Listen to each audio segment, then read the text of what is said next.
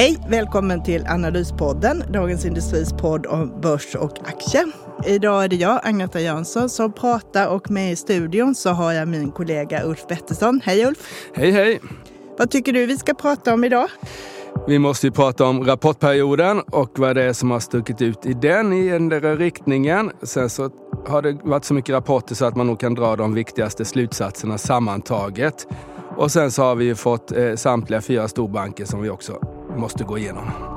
Det gör vi. Och sen har vi som vanligt med oss några aktiecase också. Precis. För att ni ska veta vad vi vet så kan jag ta och konstatera att det är fredag den 21 juli och klockan är halv tio drygt här så vet ni vad vi vet här. Hej, Synoptik här. Hos oss får du hjälp med att ta hand om din ögonhälsa. Vår synundersökning kan vi upptäcka både synförändringar och tecken på vanliga ögonsjukdomar. Boka tid på synoptik.se. kan börja med det här med rapporterna. Vår kollega Mikael Wilenius gjorde en sammanställning av de 33 första storbolagsrapporterna, det vill säga bolag med ett börsvärde som är större än 10 miljarder, till och med i måndags. Och tittar man på det så var snittnedgången eh, då på reaktionen på rapporten ner 3,3 procent. De flesta bolag faktiskt utav de här 33, 22 stycken backade. Det var sex stycken som föll mer än 10 procent. Det var Adlife, Vitrolife, Bravida, HMS, Bufab och Ericsson. Och det är två stycken som har stigit lika mycket och det var alltså H&M och Vitec. Så än så länge så är det störst reaktioner på nedsidan. Och det är faktiskt också det sämsta utfallet på de senaste sju rapportperioderna. Och det är också fler bolag som har rört sig mer än 10 procent, nämligen åtta stycken. Och det är dubbelt så mycket som det har varit tidigare. Och då är frågan, liksom, kan man dra någon slutsats av detta på vad som kommer sen? Ja, kanske inte riktigt, eh, för det brukar bli bättre sen. Eh, de, de som kommer först brukar vara större reaktioner på. Sen kan det också ha att göra med det här med sommaren, att det är sämre likviditet då. Många har semester, framförallt av de större aktörerna då. Så att eh, historiskt så har snittet i andra kvartalet, eller rättare sagt 2022 var snittet minus 2,6 och nu är det då minus 3,3 efter 33 bolag. Så att vi får se om det här tar igen. Och denna vecka har det ju faktiskt eh, fullkomligt rasat in med rapporter. Uffe, du har ju varit med i DI-TV varje morgon denna veckan och kommenterat. Kan du säga lite i det där? Vi kan ju inte gå igenom alla, men några som har stuckit ut mest, eh, både bland det bra och det dåliga. Liksom. Om du börjar med de bra kanske? Ja, det kan, jag, det kan jag göra, men jag kan nog följa upp det som Micke skrev i början av veckan. För nu har det ju dykt upp, jag tror jag har lyssnat på 51 vd här på, och, och, och frågat om, om, olika saker och eh, det har varit ännu fler rapporter. Det är nästan så att rapportsäsongen är över faktiskt. Det finns en del kvar, en del viktigt kvar, som du nämnde här, Hexagon och, och inte minst då. Men det här som Micke tog upp, utan att göra några siffror på det, så skulle jag säga att den trenden har snarare stärkts än minskat. Det som Micke eh, såg så klokt skrev, det är att vi har störst rörelse i bolagen i början av rapportperioden och sen så vänjer sig marknaden vid, vid vad de har läst tidigare och så blir det inte så stora rapportfluktuationer framöver. Men det har inte, eh, min bild i alla fall, eh, inte gällt den här gången utan vi hade Electrolux eh, ner 20 procent. Vi har haft mycket, eh, även stora bolag, SSAB ner tvåsiffrigt idag. Så, där. så den, det här att, att marknaden vande sig efter första, första rapporterna gäller inte det här, utan det är fortsatt svag rapportperiod.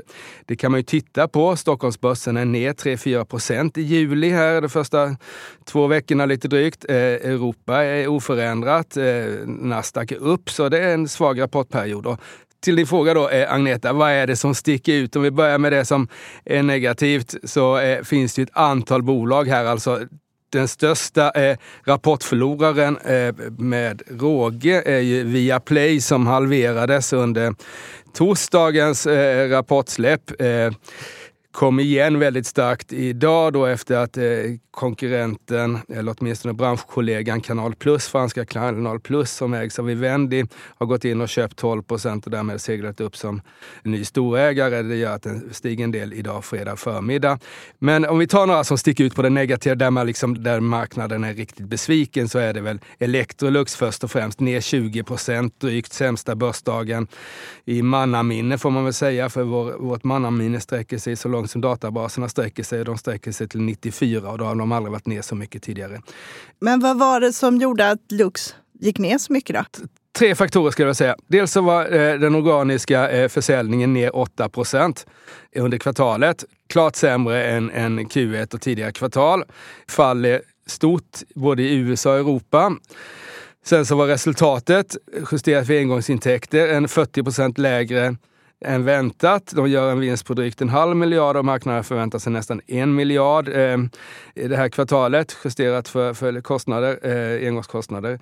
Också negativt. Och sen får man inte glömma bort att Electrolux var då föremål för budrykten, eh, intensiva sådana, och där det nog fanns fog för dem också. Att det här kinesiska Midea verkar faktiskt ha lagt ett, ett ett bud, men det, inte, det liksom kom aldrig så långt att, eh, att eh, stämman behövde ta ställning eller styrelsen eller sådär. Men, men det gjorde i alla fall att Electrolux-aktien i våras steg från 120 till 170 kronor. Och då gick man in i en, eh, den här rapportperioden med en övervärderad aktiekurs kan man nästan säga. Och nu är den tillbaks till aktiekursen, alltså är tillbaks till samma nivå som innan de här ryktena. Så det var en uppstritsad kurs, svag försäljning svag resultatutveckling och eh, vd Jonas Samuelsson förmådde inte liksom att vända humöret på sin eh, konferens Call utan eh, marknaden är klart, eh, klart eh, de, här, de här besparingsprogrammen som Electrolux säger biter bra. Det ser man ju inte riktigt i siffrorna för, för resultatutvecklingen är fortsatt väldigt svag.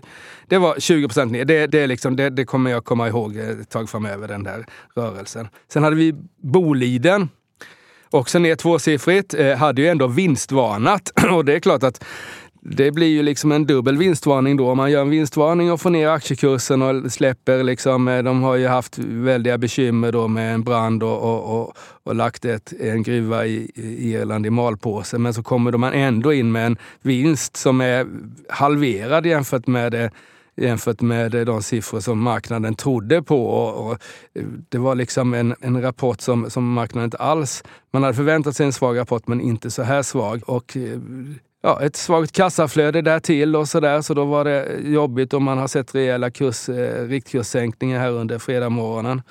Och sen så Viaplay nämnde jag ju ner 50 procent och där bolaget lägger sig platt på magen och säger att eh, välkommen hit, ni kan få köpa hela eller delar av bolaget.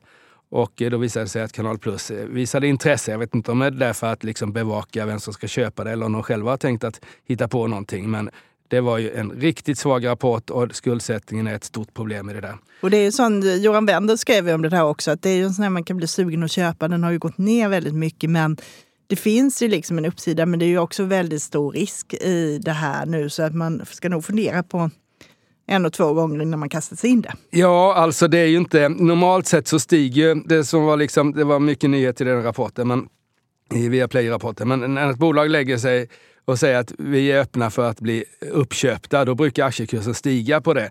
Nu sjönk den här och det, är ju, och det marknaden såg då, det var ju att det är ju inte liksom säljarens marknad utan snarare köparens marknad här. För Viaplay behöver, antingen behöver de bli uppköpta eller behöver de göra en ny emission. För de här åtaganden de har och det negativa kassaflödet de har, det funkar inte eh, ens på kort sikt. Så det är liksom någonting måste hända här. Och det är klart att det är ett väldigt dåligt förhandlingsläge när, man, när någon vet att man måste hitta på något. Men så kommer ju Kanal Plus in här så då blir det ju lite ny, nytt läge. Ja, det är... Ska vi släppa de problemen och titta på om det, om det var några bolag som du ser som sticker ut på uppsidan så att säga, som är bra rapporter? Ja, eh, även denna rapportflods stora vinnare. Eh, ja, klart, Atlas var väl egentligen vinnare förra gången, men, men Alfa Laval sticker ut med en organisk orderingång på 9 procent. rörelsemarginalen är lite, lite lägre. Men Alfa Laval och ABB är två, de två verkstadsbolag som fortfarande ser en stark marknad. ABB höjde till och med sitt rörelsemarginalmål för 2023. De sticker ut i en i övrigt, skulle jag säga, en, en lite svagare verkstadssektor.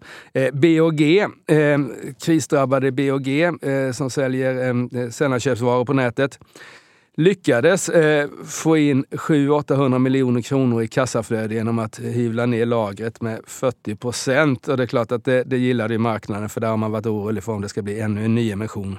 Vilket hade varit väldigt jobbigt med tanke på att deras storägare EQT håller på att lägga ner den fonden som äger BOG-aktierna. Så det var ett lättnadsrally i den. Jag tycker Volvo får man ändå ta fram, även om kursreaktionen uteblev så var det ett väldigt, väldigt starkt resultat och en fantastisk rörelsemarginal. Dagen, eh, om jag får ta en fjärde eller vad det kan bli, Truecaller som efter en Q1 som inte riktigt övertygade med minskad försäljning vänder och har organisk tillväxt både i omsättning och resultat och stiger 25 procent här. Så det, det är bra. Sen finns det då bolag som jag tycker levererar okej. Okay.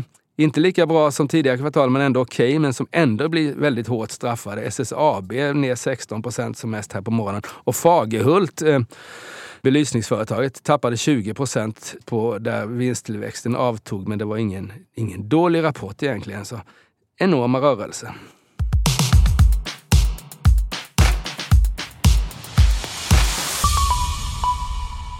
Men det är jätteintressant om du kan man koka ihop det här till något sätt så att du ser några viktiga trender i rapporterna, liksom lite mer helikopterperspektiv? Ja, det kan jag göra. En, en trend är att eh, orderingången eh, avmattas ganska betydligt i industrin. Det var den stora överraskningen Q1, att den var så stark som den var. Nu kommer det ner och sammantaget med det så är vdarna i verkstadsbolagen betydligt mer försiktiga nu. Det var ändå liksom eh, stort självförtroende i Q1. I Q2 så märker de av en försvagad marknad. Det är en trend. En annan trend som gäller i alla bolag egentligen, det är Kina. Att Kina är en stor besvikelse för, för bolagen, att en återhämtning efter covid de öppnade upp först i början av året egentligen. Det har inte, inte materialiserats alls så som folk förväntade sig. En tredje trend är att kassaflödena generellt sett är starkare än resultaten. Det har att göra med att eh, lagernivåerna börjar komma ner. Eh, och det skapar då starka kassaflöden, eh, men å andra sidan kanske lite besvärligt framöver här eftersom man så att säga implicit räknar med en lugnare marknad också. Hej, Ulf Kristersson här. På många sätt är det en mörk tid vi lever i. Men nu tar vi ett stort steg för att göra Sverige till en tryggare och säkrare plats. Sverige är nu medlem i Nato. En för alla, alla för en. Vi är specialister på det vi gör, precis som du. Därför försäkrar vi på Swedea bara småföretag, som ditt. För oss är små företag alltid större än stora och vår företagsförsäkring anpassar sig helt efter firmans förutsättningar. Gå in på swedea.se företag och jämför själv. Eh, och att eh, vi har ju en annan, vet jag inte, trend. Det är att eh, kursreaktionerna på bankaktierna, trots att resultaten i samtliga fall överträffade förväntningarna och i nästan alla fall steg sekventiellt, så uteblev kurslyft. Är det en trend, Agneta, tycker du? Eller vad säger du om bankrapporterna? Det kan man väl säga, det är ju en gemensam nämnare för dem och det är ju det många som tycker det är lite konstigt. Det var ju urstarka rapporter. Här, Nordea som var den först ut på måndagen, här ökade vinsten för skatt 26 procent, vilket var då 5 procent bättre än väntat. Och aktien gick upp 2 procent på det. Det kan man ju tycka är eh, lite klent. Och SEB Swedbank som kom på tisdagen, de ökade sina vinster då 67 respektive 103 procent och då fick du en reaktion på en halv procent och 1,8. Och Handelsbanken som kom sist, de ökade då 67 procent och aktien föll 1,2. Så det, liksom, eh, det blev lite plus totalt sett för sektorn, men inte mycket att hänga i julgranen. Och det beror ju på det här, tror jag, då att dels har du det här att räntenettot stort för hela lyftet. Eh, och det beror på att inlåningsmarginalerna är bättre. Samtidigt så upplever alla då en press på bolånemarginalerna. Eh, då ser du Nordea och Handelsbanken. Det var de två faktiskt som eh, höll jämna steg med marknaden vad det gäller bolånetillväxten. Nordea var till och med lite bättre så de tog lite marknadsandelar. Men själva marknaden har ju också svalnat av betydligt. Eh, till och med maj så var tillväxten på den svenska bolånemarknaden 2 procent. Eh, och då SEB och Swedbank hade nolltillväxt, Nordea hade 3 och Handelsbanken 2. Men det som händer i bankerna det är ju också inte bara att det är nya lån, men det är ju folk, dels amorterar ju folk mer nu när räntorna har gått upp. Eh, så att man flyttar pengar från sparkonto och aktier och sådant och amorterar sina bolån, vilket då minskar ju deras bolånestock. Och sen är det ju också folk som Eh, förhandlar om när räntorna ska förnyas och se om de kan få bättre någon annanstans och flyttar på sig och så. Så att det är liksom en mix i det här. Så att det är både nya lån men det är också ett slag om att faktiskt behålla de gamla kunderna. Så på bolån händer det inte så mycket utan den tillväxt man hade på lånesidan den kommer ju från företag. Men den trenden är också lite avvaktande. Vi har ju sett en stor trend här under senaste året får man säga. Det är ju att mycket av fastighetsbolag och även en del andra företag som lånat pengar på obligationsmarknaden får mycket tuffare villkor. Där vissa till och med kanske inte kan låna där nu, vilket då man söker bankfinansiering. Och då har det kommit gjort att du har haft en tillväxt på företags utlåningen här. Men får vi lite sämre tider så är det ju risk att den också avtar här. Sen måste man säga också att det är ju en stor oro internationellt för våra svenska fastighetsbolag och då vad deras påverkan är på bankaktierna. Eh, utav de här stora bankerna så är det ju då Handelsbanken som har störst andel lån till fastighetsbolag, ungefär 30 procent utav deras totala utlåning. Och Nordea har minst med ungefär 9 procent och de andra ligger däremellan. Och faktiskt skrev Financial Times om det här en stor artikel i veckan. Och där drar man ju de här parallellerna liksom med hur det var på 90-talet. Eh, vi hade ju även Eh, tufft i bankerna här faktiskt under finanskrisen. Så att utländska investerare är vana vid att vi har stora kreditförluster när marknaden vänder neråt. Men det finns ju stora skillnader jämfört med hur det var på 90-talet. Nu hinner vi inte prata om allt det där. Men en jättestor skillnad är ju just det där med att fastighetsbolagen har jättemycket obligationsfinansiering och att de här belåningsgraderna så att säga är betydligt lägre, runt 50 procent ungefär utav fastigheternas värde. Jag håller med dig. Utlänningarna är betydligt mer skeptiska till svenska banker. Och sen så ser man väl kanske också att för det som, det som gör att vinsterna i ett par fall är fördubblade det här kvartalet jämfört med för ett år sedan och även bättre än än förra kvartalet, det är ju räntenetto, alltså inte bostadsaffärerna, för det är ju deras bostadsbolag, eh, så att säga, hypoteksbolagen har redovisat minskad vinst här.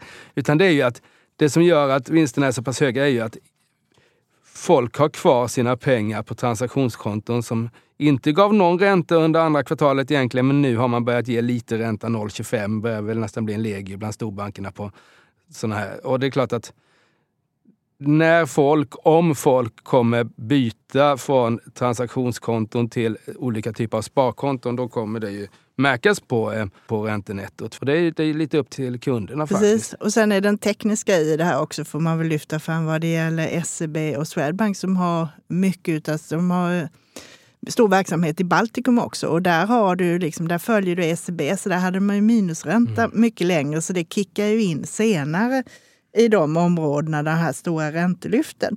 Men sen har du det här också, tittar vi på värderingarna så tittar vi på värderingar utav eh, vinsterna eh, så är de historiskt låga här. Så tittar vi på vinsterna nu för kommande 12 månader så handlas eh, bankerna på P tal på 7 till 8 gånger. Nordea och SEB på 8 och Handelsbanken och Swedbank på 7. Och, och femårssnittet ligger på 9 till 10 på de här bolagen.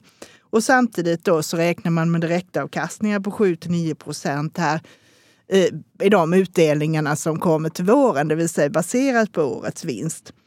Och jag skulle vilja säga det att det här beror på dels det här att man prisar in en osäkerhet om vad som händer nästa år med räntor och vinster och framförallt kreditförluster.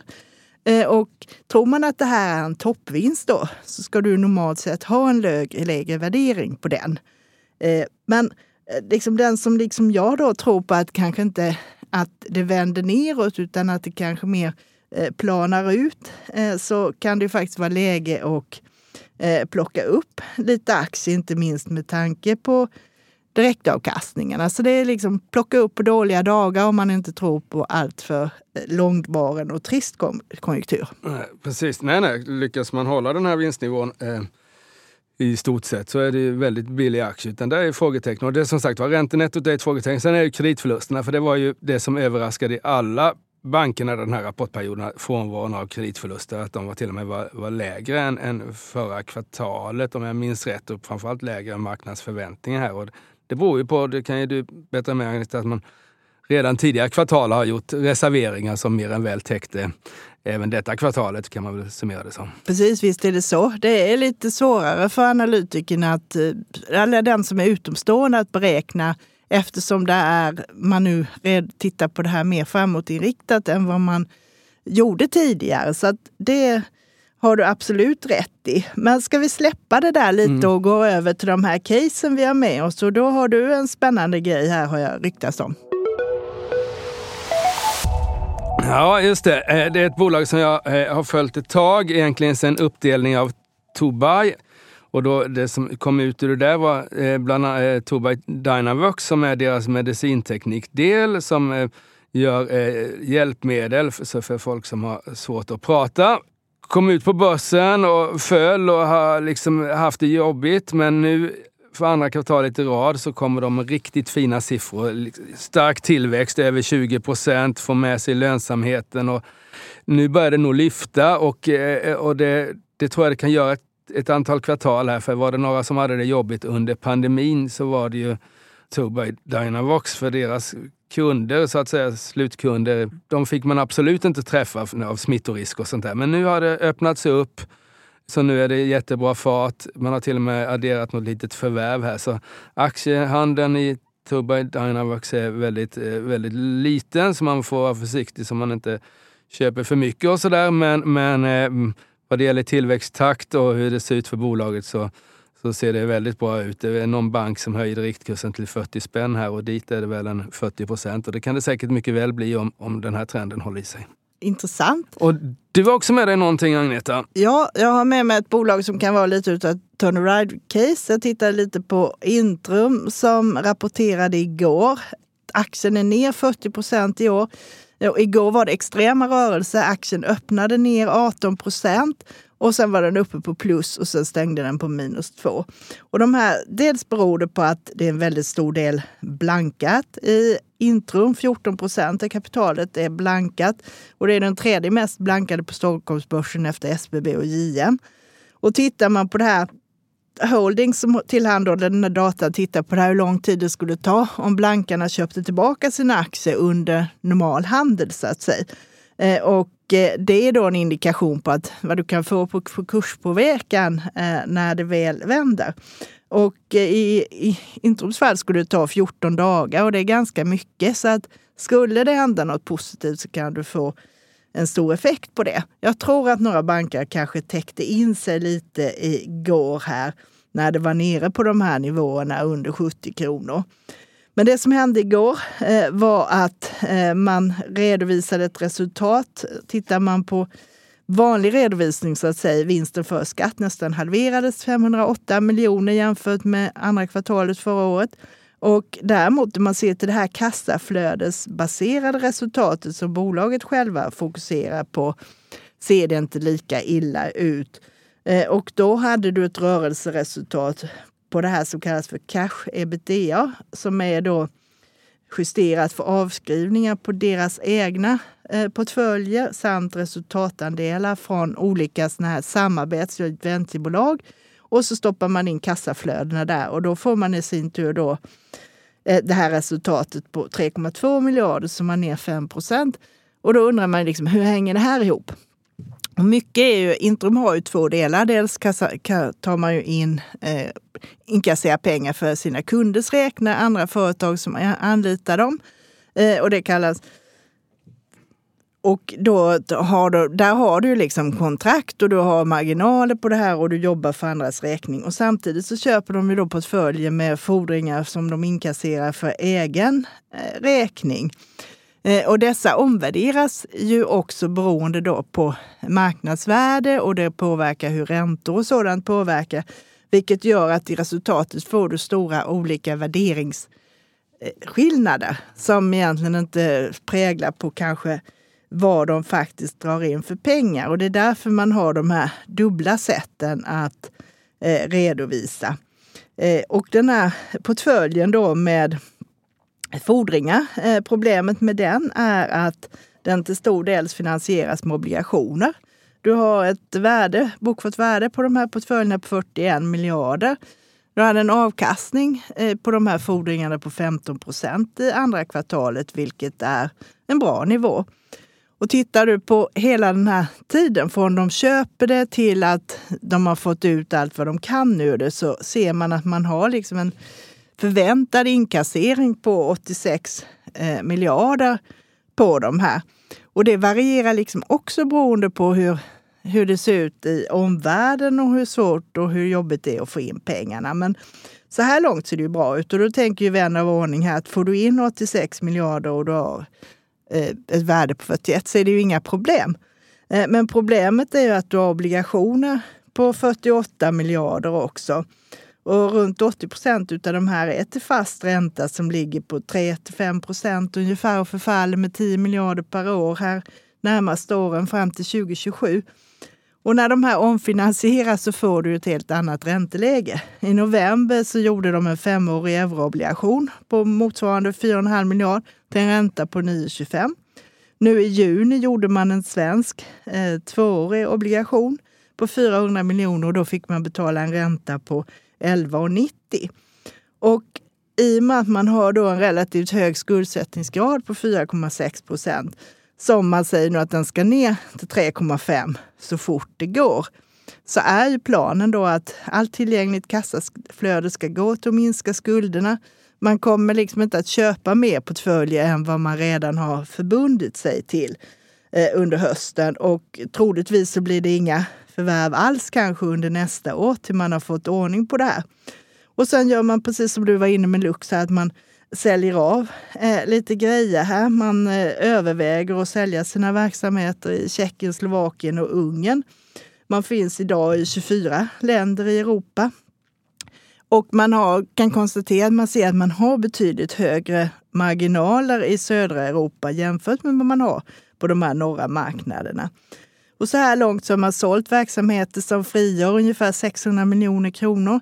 Dessutom har man ett besparingsprogram som man nu ökade takten på lite som ska ge årliga besparingar på 800 miljoner, vilket då väntas realiseras innan året är slut. Och nästa år föreslår man faktiskt att utdelningen slopas. Så det tror jag ställde till en del oreda igår morse. Eh, men samtidigt så har de då för, delar de ut 13,50 per aktie i år i två delar. Eh, aktieägarna finns, fick hälften i maj och den andra delen kommer i november då, 6,75. Så på dagens kurs så ger bara de 6,75 en direktavkastning på 9 procent. Eh, så att det är klokt, eh, vår kollega Rickard Bråse har varit inne på det och andra har varit inne på det, att det är klokt att ställa in utdelningen om nu fokus är att eh, få ordning på skulderna. Så att, eh, det är ju en klok åtgärd att göra det här. Men frågan är om de här åtgärderna räcker liksom för att få tillbaka förtroendet eftersom det är ganska naggat i kanten. Mer information kommer på den här kapitalmarknadsdagen man ska ha den 13 september. Men ser man den här nuvarande värderingen som handlas på sex gånger vinsten, det visar ju liksom den här kampen mot klockan att få ner skulderna. Så det är, jag ser det här som en aktie där det kan vara fyndläge, men det är också vanskligt. För de här turnaround-casen kan betala sig bra, men det kan ju också bli eh, pannkaka av det hela, att man liksom det planar ut, man måste göra nya emissioner och såna här grejer. Så går man in i det där så måste man ha noga koll på vad som händer helt enkelt. Just det. Och sen är det väl hur, hur stort är intresset för att köpa? De kommer säljas, kommer de bara sälja så att säga inkassoverksamhet eller kommer de sälja, sälja sina ska vi säga, eh, stockarna också? Eller vad, eller...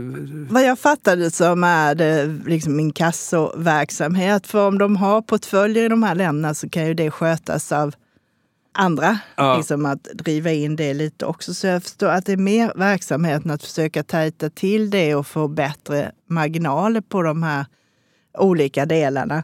Precis. Man har ju drivit ett projekt där man skulle försöka samordna det här mer till att sköta sånt här centralt. Men det har väl inte lyckats helt enligt plan med det där. Så att där finns ju också en del att göra. Ja, bra. En, eh, vi får väl säga att en spännande aktie, men eh, åt eh, eh, högriskhållet kan man väl ändå sammanfatta det som. Jo, men det är det ju nu. Och det är just det här med skulderna som ställer till det. Att eh, det har liksom den här omställningen från lågräntemiljö till vad vi är idag gör det tuffare. Ja. Liksom. För om du säger att de hade en ränta på 3-5 procent nu på sina eh, nästan 50 miljarder lån och få jag säger 5% ner till höger eller något, det är ju ändå 2-2,5 miljarder kronor i, i, ökade räntekostnader. Och det är ju, Ja, men det är ju det. Och sen har du det här också med förhandla med De har ju även bankfinansiering också Mm. som jag tog upp här. Men det gäller ju också att liksom inte bryta på kovenanter vad det gäller på obligationer och banker. Och då måste man se till att man har en hyggligt stark balansräkning och att man klarar av att säkerställa sitt kassaflöde helt enkelt. Hej, Susanne Axel här. När du gör som jag och listar dig på en av Krys vårdcentraler får du en fast läkarkontakt som kan din sjukdomshistoria. Du får träffa erfarna specialister, tillgång till lättakuten och så kan du chatta med vårdpersonalen. Så gör ditt viktigaste val idag, listar dig hos Kry. Upptäck det vackra ljudet av McCrispy Company för endast 89 kronor. En riktigt krispig upplevelse. För ett ännu godare McDonalds.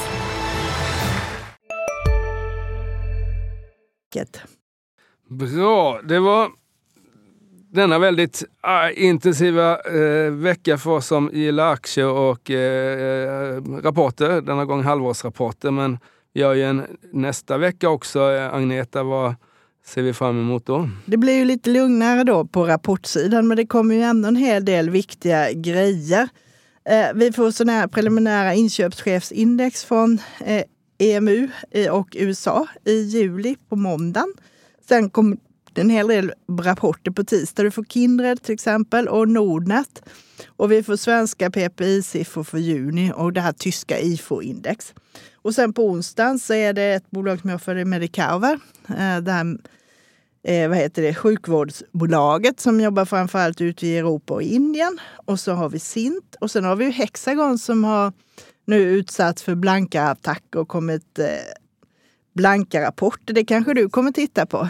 Det kommer jag säkert göra. Eh, jag har inte skrivit så mycket om Hexagon senaste tiden här, men, eh, men det, det är möjligt att jag kommer titta på. Och framförallt så läste jag den här Blanka-rapporten som ligger ute på Blankarens hemsida också. Och, eh, den sänkte ju Hexagon-aktien när den kom ut med 5 men aktien repade sig och stängde på plus samma dag som den kom ut här. Det som, det som Viceroy, som de heter, eh, eh, framförallt ogillar är eh, den organiska tillväxten som de menar på är överdriven i Hexagons fall. Vi får väl se hur Hexagon bemöter den kritiken när rapporten kommer, om de så att säga bemöter den eller låter den vara. Men det blir ju en intressant del i, i, i